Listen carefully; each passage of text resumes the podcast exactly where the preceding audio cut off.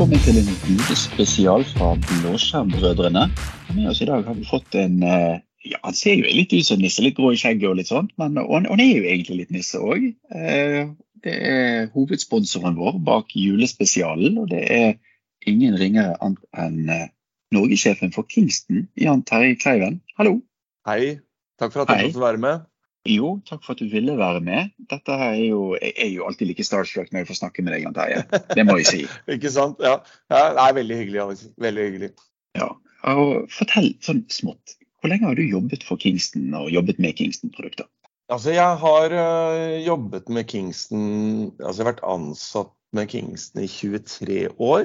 Så har jeg faktisk en syv-åtte år før det hvor jeg gråimporterte bl.a. Kingston til Norge. eh, I et annet eh, som ikke da hadde noen distribusjonsrettigheter. Så, jeg, så Kingston er et uh, selskap jeg har fulgt i ja, kjent i over 30 år, altså. Men uh, Ja. som ansatt de siste 23. Ja. Så eh, for, for som Polerik, eh, Polerik-tidsalder, vi bruker alltid, alltid tidsregning i Polerik, da, så du, har du vært ansatt siden Windows 2000, men har drevet med det siden Windows 311. da. Ja. Ja. Da, da, jobbet jeg, vet du, da jobbet jeg i Microsoftware på Hvalstad. og du, du hører jo navnet på den distributøren. Microsoftware. Første Microsoft-distributøren som var i Norge. Og da, på den avdelingen som drev med Microsoft, så hyret de jo inn skoleklasser for å pakke ned Microsoft i disketter og sendte ut. Du skulle sett det lageret der den gangen. Fy søren. Jeg husker, jeg husker fra tidligere podkast vi hadde med Olav, og han jobbet jo for Microsoft-supporten i Sverige. Omtrent samme tidsrom. Og han eh, nevnte jo dette med å sende ut både nye mus og disketter og litt sånn forskjellig. Og, ja, Ja. det. Det var så mange pakker som var ute at jeg tror eh, om det var eh, Jeg vet ikke hvor mange skoler fra Asker-området som ble invitert til å, å putte disketter oppi og klistre etiketter og få de ut i disse enorme postburene da, som da store lastebiler kom og henta. ganske, ganske manuelt. Mm. Fascinerende. Og i dag klager vi over at vi bare har 100 megabit, eller at 500 megabit båndbredde. Vi skulle prøvd, prøvd, prøvd en diskett av og til. Så Ikke sant? ja. Eh, Det, det er jo faktisk litt fascinerende. Vi, går jo, vi skal jo snakke om fremtiden og utviklingen, men det er faktisk bare en uke siden jeg brente en CD sist gang. Og det var litt Ah. trist. For jeg skulle brenne en lyd-CD. Jeg har hatt noen podkastinnspillinger, noen spesialinnspillinger. Og så skulle jeg brenne det ut som en lyd-CD. Og Det som var veldig trist, var jo det at eh, tiden det tok for å brenne den ene CD-platen som skulle spilles av, så hadde jeg fått kopiert de samme filene inn på fem minnepenner. Ja. Nei, den, eh, der, eh, der går eh, Der har tiden stått litt stille på den brenninga, tror jeg. I forhold. Og det kan vi jo da hva, hva er det som er den siste utviklingen innenfor teknologibransjen? Vi har jo vært igjen med pandemi. Vi slet jo med å få tak i minnebrikker, CPU-er. Det var jo utfordring med å få tak i konteinere til å frakte disse tingene. Men hva er dagens utfordringer? Altså, Hvis vi skal gå til litt til vår type bransje som jeg holder meg til, da, som har med memory technology og, og, og storage-biten, så, så har vi vært igjen eh, gjennom en eh, 12-18 måneder med overproduksjon. Eh, og det, denne overproduksjonen skjer pga. at disse, alle datasentrene i verden, alle disse store, store forbrukerne av chips, vi snakker altså de som begynner på G, HP Altså alle, alle de store, store sentrene har hatt en relativt uh, pause i investeringene sine. Så det vil si at eh, Nand og Røderam-produsentene, som da ligger i bakkant, som produserer chip enten til Nand-produksjon eller til Deram-produksjon, deres produksjonslinjer går jo de er så avanserte, og de tar jo noen måneder å slå ned av og på. eh, At de, de går og har jo håpet på sant, at markedet skal ta seg opp igjen. Ikke nødvendigvis PC-produsentene, men altså de store, store. de som, altså Igjen, vi er på datasenternivå og andre store storbrukere. Det har jo da ikke skjedd. Så de har jo Jeg vet, altså, jeg vet ikke hvor mange milliarder de taper per kvartal, men altså det, nå chipprisen har jo vært så lav at de måtte se seg nødt til på sensommeren nå til å redusere output, rett og slett. Hvis ikke så begynte noen av de å kunne liksom se konkursspøkelset bak at vi snakker altså milliarder av dollarselskaper altså, som, som holder til å produsere her. Eh, så de måtte kutte ned på produksjonslinjene for å lage en, en, en balanse, mer balanse. Og nå har vi vel nå sett at de siste tre ukene så har vi vel kanskje nådd det vi kaller i vår bransje bottom, rock bottom. Mm. Flate litt ut. Eh, på NAND-biten, det som vi produserer flash-produkter av, altså USB, flashkort, SSD osv., der er replenishment-kosten i ferd med å stige. Eh, så når Kingston kan kjøpe nye chipper for at vi skal produsere enten da SSD USB eller flashkort. Så er våre nå nye kontrakter de stiger nå jevnlig med 10% 20% osv. Nå når vi forhandler nå med Q1 2024 og, og begynt også å forhandle for Q2 2024. For DRAM eh, så er den mer flat. Vi, eh, den skal nok ikke noe ned, mer ned. Og ser ikke ut som den skal noe særlig opp heller. Selv om DDR5 har begynt å ta over en del for DDR4, så har outputen allikevel vært såpass høy der at, uh, at den på en eller annen eh, merkelig måte så forholder den seg stabil. Uh, og så får vi jo se da hva, hva som skjer litt framover, om det blir en uptake. nå er jo AI, KI, altså alle disse korte begrevelsene. Men nå er jo ikke det noe særlig memory-krevende, men det litt, kan være litt storage-krevende. Men på GPU-fronten der ryker jo teknologien i voldsom tempo framover. så, så, får vi jo se hva som skjer med, med de større datasentrene. Det, altså, det er jo det Google, Amazon uh, og Microsoft altså Hvis vi bruker disse de tre absolutt største, det er jo hva de, når de begynner å bevege seg i markedet, det er da de flytter varer osv. De, så for oss i, som driver av i den uh, andre, litt andre enden av den kjeden, altså vi som driver med, jobber ute i, ute i, verden, ute i lokale kanaler, sånn som Norge, Norden, Baltikum, som, som jeg er ansvarlig for, så, så, jobber vi mye med lokale produsenter. Og her har det vært et, uh, faktisk et et fantastisk år i, med ordentlig kurve oppover. Mm. Ja, det er jo litt tøft. For vi, vi, eh, vi, har jo begynt å se det at trenden i For å dra analogier til andre ting. Da, altså, det å kjøpe lokalprodusert mat, sant? det å finne den mest sære osten på et lokalt uh, ysteri, det har vært veldig i vinden. Og folk betaler gode penger for lokalproduserte ting. Uh, og det har vi begynt å legge litt merke til på serversiden også. Og der har vi jo fått en lokal produsent i Norge. Ja, vi har en uh, i Oslo, Nextron, som jeg bare for for sikkerhets skyld, Vi selger ingenting til de, de kjøper en del andre produkter, men altså produkter i samme bransje. Men de har jo hatt en fantastisk noen siste år med sine spesialproduserte produkter. Både for olje, energi eh, osv. Og, og det er veldig gøy å se at de virkelig, virkelig tar markedsandeler faktisk fra de store, gamle, gode kjente som vi, som vi kjenner til i, i server, spesielt i serverbransjen. Men også i gamingbransjen og lokale bedriftsmarkedet så ser vi at eh, flere ønsker mer spesialtilpassede produkter som passer til sin virksomhet, hvis vi da går til business-to-business-markedet. Og der eh, har vi jo en gjeng med flotte PC-produsenter i Norden. Norge leder jo an. Komplett er jo en, en kjent aktør der. Eh, veldig sterke også i, i business to business-segment. Eh, og kan lett ta imot oppdrag på bedrifts-PC-er, workstation osv. Eksakt sånn som den kunden ønsker at spesifikasjonen skal være. Og levere mye, mye raskere, altså time to market, enn en andre kan. Det, det, er jo et kjempegodt poeng. Du nevnte dette med at det har vært en nedadgående kurve og overproduksjon i 18 måneder. Men eh, ser vi det at man begynner å flytte en del av produksjonen av IT-utstyr tilbake til Europa. Altså, vi har jo hatt Gjennom 90-tallet og 2000-tallet så har det vært sendt til det fjerne Østen, hvis man kan bruke det. da. Ja. Eh, men ser du mer at vi begynner å flytte dette igjen? Ja, altså, vi ser i hvert fall at mye det vi kaller assembly, da, eh, kommer mer og mer tilbake til Europa. Altså Mye av i, i og for seg våre produkter også er jo Asia-produsert, altså som, som komponentbestanddeler. Eh, men så viser det seg at kanskje de vil flytte da selve og sette sammen enheten, da, om det skal være et postsystem, en server, nærmere lokalmarkedet sitt. Det, det ser vi over hele Europa. Det er en klar klar trend at det, ofte da teknologidrevne land, Tyskland er jo en av disse, men Polen begynner å bli interessant. Baltikum har vært veldig sterke. Det ser man jo på embedded.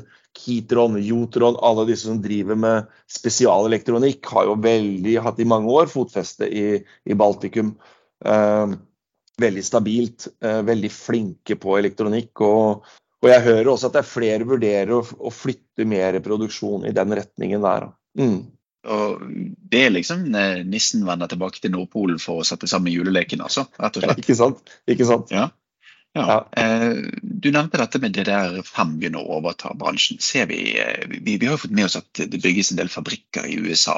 Og det er jo allerede gjort en del assembly fra bl.a. Kingston sin side, der en del blir produsert i USA. Ser vi det at mange av de nye fabrikkene for framtidige teknologier vil bli produsert også i Europa? Ja, eh, det ser man helt klart. Man ser at bl.a. selskaper som Bosch har jo nå nylig satt i gang en ny fabrikk den er allerede fullbooket. Eh, nå er i Tyskland nå er, de går veldig for det, det de kaller automobile eh, market. Eh, det ser man jo også på en del av disse internasjonale teknologifirmaene innen vår bransje, altså Deram og Nand. De, Tyskland er stort, bilindustrien i Tyskland er veldig, veldig stor. Og det å, å, komme nærmere produksjonen der sånn med ingeniører innen storage, innen memory osv. Enormt marked. Så der jo, blir det vel også gitt en del EU-fundings, eh, som samme som Biden ga nå til um, The Micron i USA. Det er jo ikke noe fåtalls milliarder det investeres i for å sikre det at det, det ikke blir bare produsert i, i Asia. Det er jo en handel, kjent handelskrig eh, pågående mellom Kina og USA, og den kan jo forstyrre denne her eh, teknologiutviklingen. Og at man kan sikre at, man, at EU sikrer seg at de får sine varer til sine konkurransefortrinn, og USA ser jo på det samme. Og er liksom ikke bare være avhengig av Kina eller Taiwan som lavkostland noe mer, for man, det er jo en geopolitisk uro i bakkant her. Så, og så er jo dette et, et, et, riktig poeng. Vi har jo lenge snakket om dette med lavkostland. Sant? Norge har vært ansett som et høykostland. Nå har vel kronekursen gjort sitt for at vi har blitt et lavkostland. Eh, men eh, det, det, som er litt, litt, interessant, er jo det at alt er jo i stor eller større grad helautomatisert. Og man merker at råvarene er det som koster penger, ikke menneskene lenger. Så utviklingskostnader og sånn, så fabrikken kan jo egentlig plasseres hvor som helst. Ja, nå, nå, skal ikke jeg begi meg ut på store eh, regnestykker med bedrifter og hva det koster. Det er sikkert noen skatteinsentiver og det er masse sånn som ligger i bakkanten mange mange plasser. Men eh, ja, det er, det er, selve produksjonen er jo helautomatisert eh, fra det kommer inn bortimot sand inn igjen til det kommer ut en, et TV eller en RAM-brikke eller en whatever på den andre siden. Så så det er ikke så mye mennesker involvert i akkurat den produksjonsbiten, men så har vi litt på pakking og ompakking, og så er vel litt sånn ja. Det, krever, det kreves nok litt mennesker allikevel, men eh, ja, ting blir veldig, veldig automatisert. Ser du for deg at dette blir i framtiden? Vi har jo sett et, et, et litt interessant skifte. Før eh, var det om å holde PC-parken så lenge som mulig, få mest mulig ut av den. Og hvis du kjøpte en PC når du startet for Kingston i 2000, så var det nesten trist hvis du måtte bytte den når Windows 7 kom. Eh, så en PC skulle vare i 7-8 år hvis du, hvis du, klarte det i, i, i, mange settinger. Eh, iPhone har jo egentlig startet løpet med å fase ut supporten for eldre units. Og vi ser at Microsoft har gjort det samme med at du får ikke installere Windows 11 på gammel hardware. Vil man se en tilsvarende, altså vil man se en tilsvarende maskinell vekk i fremtiden? Jeg er litt usikker. Eh, altså, alle skal jo være grønne om dagen. Altså, alle, alle har jo fått det inn i sine firmaer. Altså, det skal være compliance og sustainability og alt dette her blir jo en altoverskyggende uh, greie for veldig mange firmaer. Altså, du må jo først få godkjenning der før du snart kan finne ut hva du skal drive med. For at du skal tilpasse seg EU-reglementer og hva det er, hvis vi snakker for, for vår del av verden. Eh, det vi har sett en liten uptake i, det er jo at det dukker opp disse de som da kaller seg refurbished-selskapene. Som, eh, og det har jo ikke vært noe, det, det, har holdt på i mange år. Vi kjenner jo fra bl.a. Greentech, som var et Sandefjordsfirma osv. som ble solgt til eh, Arrow, var det vel, og så tilbake igjen. Men altså, det kommer flere og flere, og vi ser at eh, distributører tar tak. bygger sentralhuber nå i Norden. Vet om en distributør nå som da er i Malmö, da, der skal ligge, hvor de skal da også ta ansvar for å samle inn elektronikk. Og refurbish det som kan refurbished. Og så ønsker jo alle å kunne dokumentere det overfor styre og aksjonærer osv. At man har en, eh, en grønn linje gjennom selskapet. Og her kommer jo Kingston godt inn igjen. Vi driver jo med oppgradering bl.a. Eh, vi er jo ikke bare til nye produkter hele tiden. Men altså, vi oppgraderer jo alle, stort sett alle merkepestene og alle motherboards, så hovedkort da, på norsk, som, som finnes der ute. Uh, og blir en ganske naturlig partner for veldig mange av disse selskapene. Så der har vi sett uh, Og igjen også på server. Server er jo den det har vel vært kanskje den som har vært vanskeligst å holde lenge. Skal du, skal du være med i markedet, du skal opp i skyen, du må være rask, du må være sikker og alt dette her. ikke sant? Så folk har jo over, nesten overinvestert i jern, som ligger da ute på en co-location eller et eller annet annet sted. Men nå ser vi nå at det dukker opp nå siste halvannet året et par sånne refurbished serverprodusenter nå som det går som det koster. altså. Så det, ja. ja. så rett og slett Ta en god gammeldags levealderjustering av maskinvaren du har. da. Ja. Og her, her, kan det jo kanskje være en ball tilbake. Ser vi det at mange av serverprodusentene kan in, altså, ha et insentiv til å selge extended support på eksisterende maskinvare. Burde jo det, men så, altså det, altså vi, hvis vi skal ta et hver av disse selskapene, altså hvor mye nå er hardwaren der versus uh, service, uh, tjenester, uh, det de bygger rundt hardwaren. Den, jeg vet ikke hvilken fordeling de har der, sånn, men altså, um, jeg, altså de, er, de, de, har ikke veldig høye marginer på hardwaren. Så det er jo ikke det de kan leve av noe mer. Sånn som de gjorde når jeg starta i hardware-bransjen, så hadde de jo solide marginer også på hardwaren. Men, eh, og du kunne bare selge hardware, du behøvde ikke kunne noe om software. Nå er det jo nesten motsatt. Nå må du kunne alt rundt løsningene osv. Og, og så kommer da jernet liksom inn ut ifra det du skal ha det for. Mm. Og så blir man jo da konfigurerer man jo opp det jernet enten da selv eller man setter det bort til et datasenter, om man kjøper hele tjenesten eller kjøper bare kraften, utregningene, hva man skal ha.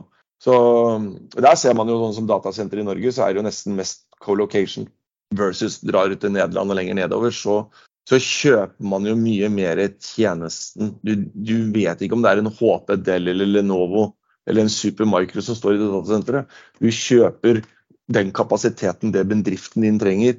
Her hjemme så er jeg tror jeg fremdeles 90% av alle datasenter så selger de bare huset, sikkerheten, energiforsyningen osv. Så, så er det du som fremdeles eier jernet. Ikke sant? Og da kan du bestemme om det er HP eller Dell eller som står der inne. De, det er jo det er, det er co-location. Så Norge og Sverige til dels er jo veldig, veldig merkevarelojale mot, mot det som når de hadde da serverrom i kjelleren, da, som de nå har flytta ut i skyen, men som er bare flytta bort i gata til et annet datasenter, så, så, er det jo det. Mens nedover i Europa så ser vi jo, og det ser man jo på forespørsel når vi skal oppgradere serverparker. Når vi får forespørsel på 10 000 serverbrikker, så er det, da får vi forespørsel på hovedkortnivå. Da er det ikke at det skal til den HP Pro Lion f.eks., men det skal til det hovedkortet. Da, da vet vi at det, her har de bygd serverne sjøl ut ifra hva de skal selge til sine kunder. Så det er stor forskjell. Samme er i USA. Det er det de kaller whitebox, da, eller Supermicro, Tyen osv. De er jo igjen altså, mye mye større på datasentrene der enn enn det HP Dell Lenovo er. Og Det er derfor de også kjøper sine egne datasenter, for at de skal få, få brukt for hjernen sin. ja, absolutt. ja. ja. Det, det, er jo veldig fint å lage sitt eget marked som du kan selge til. Uh, og Det er jo en, det er jo en helt annen businessmodell enn det man gjerne gjør i Norge. Så kan det være den litt sånn gammelnorske, traustige tingen om at du vet ikke hva du får i morgen, men den, du har, den serveren du har i kjelleren, den har du. Så er det rett og slett et litt, ja, litt sånn eh, nostalgisk Rett og slett stabbur full i servere, det er tingen. ja, for den er jo i skyen. ja. Jeg eh, har jo et lite avsluttende spørsmål. og det er, jo, det er jo litt sånn, Du begynte med disketter og floppy disker, og det har jo skjedd litt utvikling den siste tiden. Og når sist var det du fikk spørsmål om USB 4? Eh, det er eh, fikk jeg vel på en messe i, for to uker siden i Sverige. Ja, for den har jo blitt lansert. USB 4 er ja. strengt tatt lansert, men det er ingen snakk om det. Nei. Eh, jeg er litt usikker på om den har eh, gått gjennom den standardiseringsprotokollen som skal altså Innenfor RAM så har man jo JEDEC, man har disse sånne organisasjoner som sier hvordan en DDR5 skal være og fungere. Eh, når det gjelder da USB-delen, så må jeg ærlig innrømme at vi i Norge er nok det landet kanskje som selger minst USB per capita. Vi har for lenge, lenge siden gått mye mer over til skyen enn en, en del andre land. Da. Vi er fremdeles veldig veldig store på USB-er i verden, men jeg selger ikke jeg må ærlig innrømme at jeg selger ikke veldig mye. Også. Men jeg så en veldig interessant et veldig interessant produkt fra Targus. Mm. De lanserer nå en sånn enclosure hvor du kan putte inn en SSD, og så har den USB 4-overføring. Den produktet er allerede lansert. så jeg på en messe i Finland. Uh, så hadde jeg vært litt mer forberedt på dette spørsmålet, skulle jeg hatt den klar for deg, men uh... Poenget er uansett Poenget ja. uansett er det at vi har blitt mindre opptatt av tall, spesifikasjoner og nerding. Så hva bringer framtiden for en god gammeldags hardware-nerd? Er det en ny versjon av iPhone som blir snakkisen også de neste tre årene? Ja, eller så blir det vel en nothing phone da, som nå skulle prøve seg på iMessage, som ikke funka likevel. Så jeg i dag tidlig at den eh, sikkerheten de hadde skulle tilby, gikk i dass. Nei, altså hva skjer på hardware? Altså For oss, eh, nå vet jeg at de siste 10-12 åra så prøver jo seg innen RAM, DRAM. Så prøver man jo på alle mulige måter å frakte data enda raskere enn man kan innenfor uh, DRAM-teknologien. Jeg går nok av med pensjon med DRAM DDR 6 eller 7, tenker jeg. jeg tror Altså, en produksjonslinje koster jo en 3-4 milliarder. Ikke sant? Altså, det er, vi snakker eh, og dollar i tillegg, da. I, for, altså, det, på HP har vi investert, eh, Intel har investert, alle har kikka på nye muligheter for å ta over og finne det mest lukrative som finnes innen som er DRAM det er, det er, mye lettere å gjøre tingene raskere og mindre enn så lenge. Eh, og produksjonen der er også satt hele verden Altså, du skal bytte ut noe som fungerer i hele verden. Det eh, tviler jeg sterkt på kommer i morgen. Det kommer nok noen som forsøker på noe og det, det, det utvikles jo. altså, by all means. Men uh, når det gjelder DRAM, så tror jeg vi ser traust at DDR5 overtok for DDR4 nå i gamingbransjen. Nå i september-oktober så kom krysningen at DDR ble da mer solgt enn DDR4. Og DDR5 ble jo kjent bare i, altså i fjor, for i fjor. Altså, da var jo allerede den satt av EDEC-kommisjonen. Mens det er jo ikke før nå at prispunktet kommer ned og klarer å matche DDR4. Altså for forbrukeren er nådeløs. Altså, er det for dyrt, så blir det hold, hold, hold, hold til bransjen, altså de som bygger PC-er til alle, syns det er verdt å bytte. Da byttes det. det er, du kan aldri snakke imot markedet. Markedet bestemmer. Så, og Når det gjelder eh, NAND, eh, så er vi jo nå er det jo to terabyte som er sweet spot da, i SSD-markedet. Det finnes, Vi har fire terabyte. Eh, prisen er for høy. Ikke for noen. altså Vi, vi, vi selger jo noe, men ikke altså Vi selger 50% globalt av 2 terabyte. Så den eh, en gang i 20 seinhøst, kanskje om et år, kanskje Black Week neste, neste år, at vi har 4 terabyte som sweet spot. Uh, nå, er, nå, får du opp til 16 terabyte, vet jeg, til storage og litt sånn forskjellig på datasenter osv., men uh, fremdeles så er det jo ja, det er jo litt, og Jeg regna litt på det stad, på Enterprise-markedet så er det fremdeles på SSD-en er jo over dobbelt så dyrt uh, per gigabyte som, ja. Så, som, som harddisk. Ja. De som drømmer om å laste ned YouTube på minnepennen, minnepenn, de må ennå vente litt hvis de skal ha råd til det. Ja. Vi har jo gått litt ned altså Vi hadde jo USB med 2000 les og skriv for noen år siden. Den raskeste vi har nå, er 1000. Ja, så det var ikke det markedet helt allikevel som man drømte om uh, osv. Men uh, igjen, men da viste Norden seg at det var vi som ledet an. Så nå har vi noen eksterne SSD, da, som i stedet for å bruke en USB, så kan man bruke en ekstern SSD. Så har vi en variant som heter XS1000. Den skrever og leser 1000 megabyte. Så har vi en uh, high-end som heter XS2000, som er en veldig veldig populær Og der er 4 terabyten den mest solgte. Mm. Så så folk, det ser ut som det skiftet da, det som da var USB, har blitt eksterne ekstern SSD.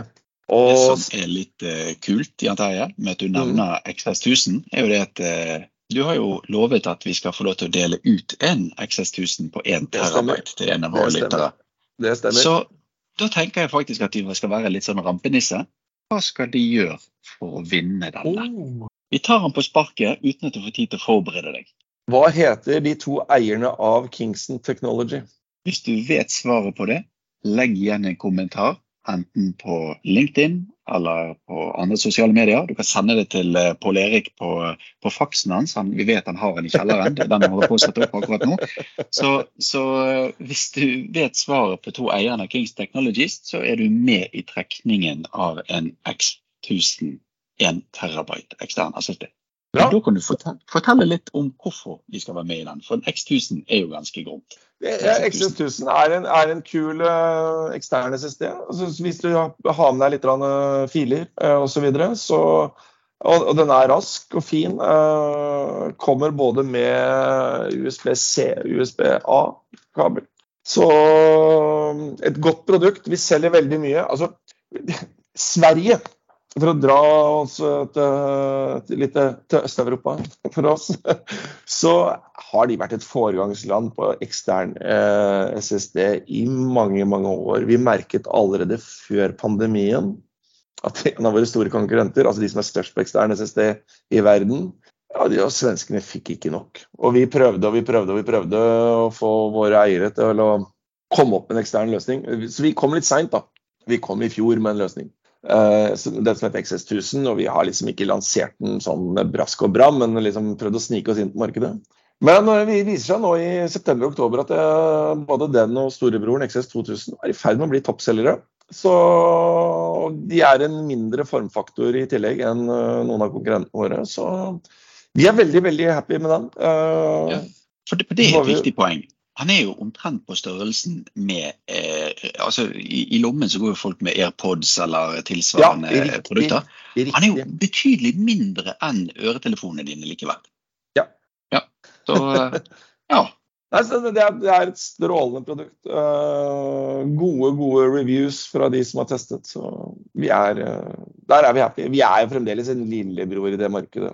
Samsung med sine, for å nevne de da, med sine T5 og T7 er fremdeles eh, globalt sett eh, ja, desidert verdens største. Men eh, i Norden så har vi sett nå at eh, de siste tiden så har vi tatt litt innersving på de. Så det er litt, litt gøy, da. For eh, det er alltid gøy å måle seg med de som er størst og best i klassen.